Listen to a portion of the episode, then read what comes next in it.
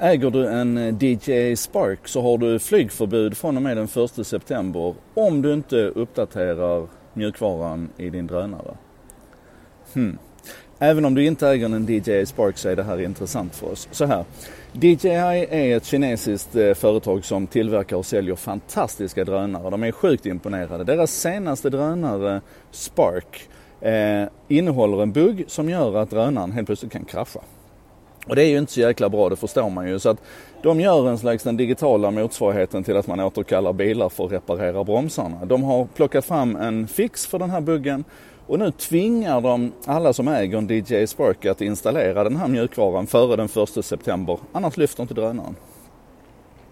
Och det här är ju naturligtvis klokt och bra och, och så i ett slags begränsat perspektiv. Men det väcker också tankar om det här med ägarskap. Alltså så här, i, i den digitala åldern så är vi vana vid att diskussionen om ägarskap har kommit att handla om eh, piratkopiering och ni vet kan man, kan man ha upphovsrätt på, på något digitalt material och, och hela den diskussionen. Men det finns en annan aspekt av ägarskap i en digital värld när vi blandar det med den fysiska världen.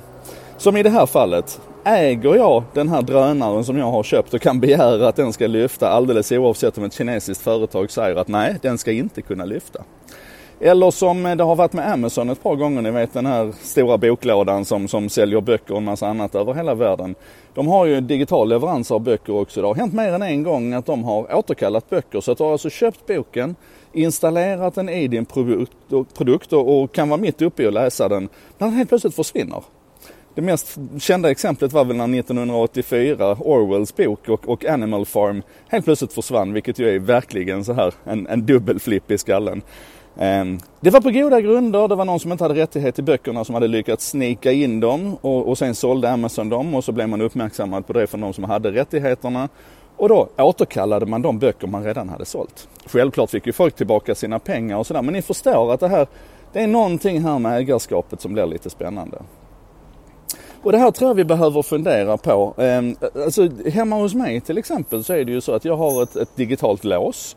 Vi har digital belysning. Eh, TVn är superdigital naturligtvis. Eh, om låstillverkaren Glue bestämmer sig för att om jag inte gör en uppdatering av mitt lås så öppnar de inte dörren till mig. Eller de kanske inte låser den.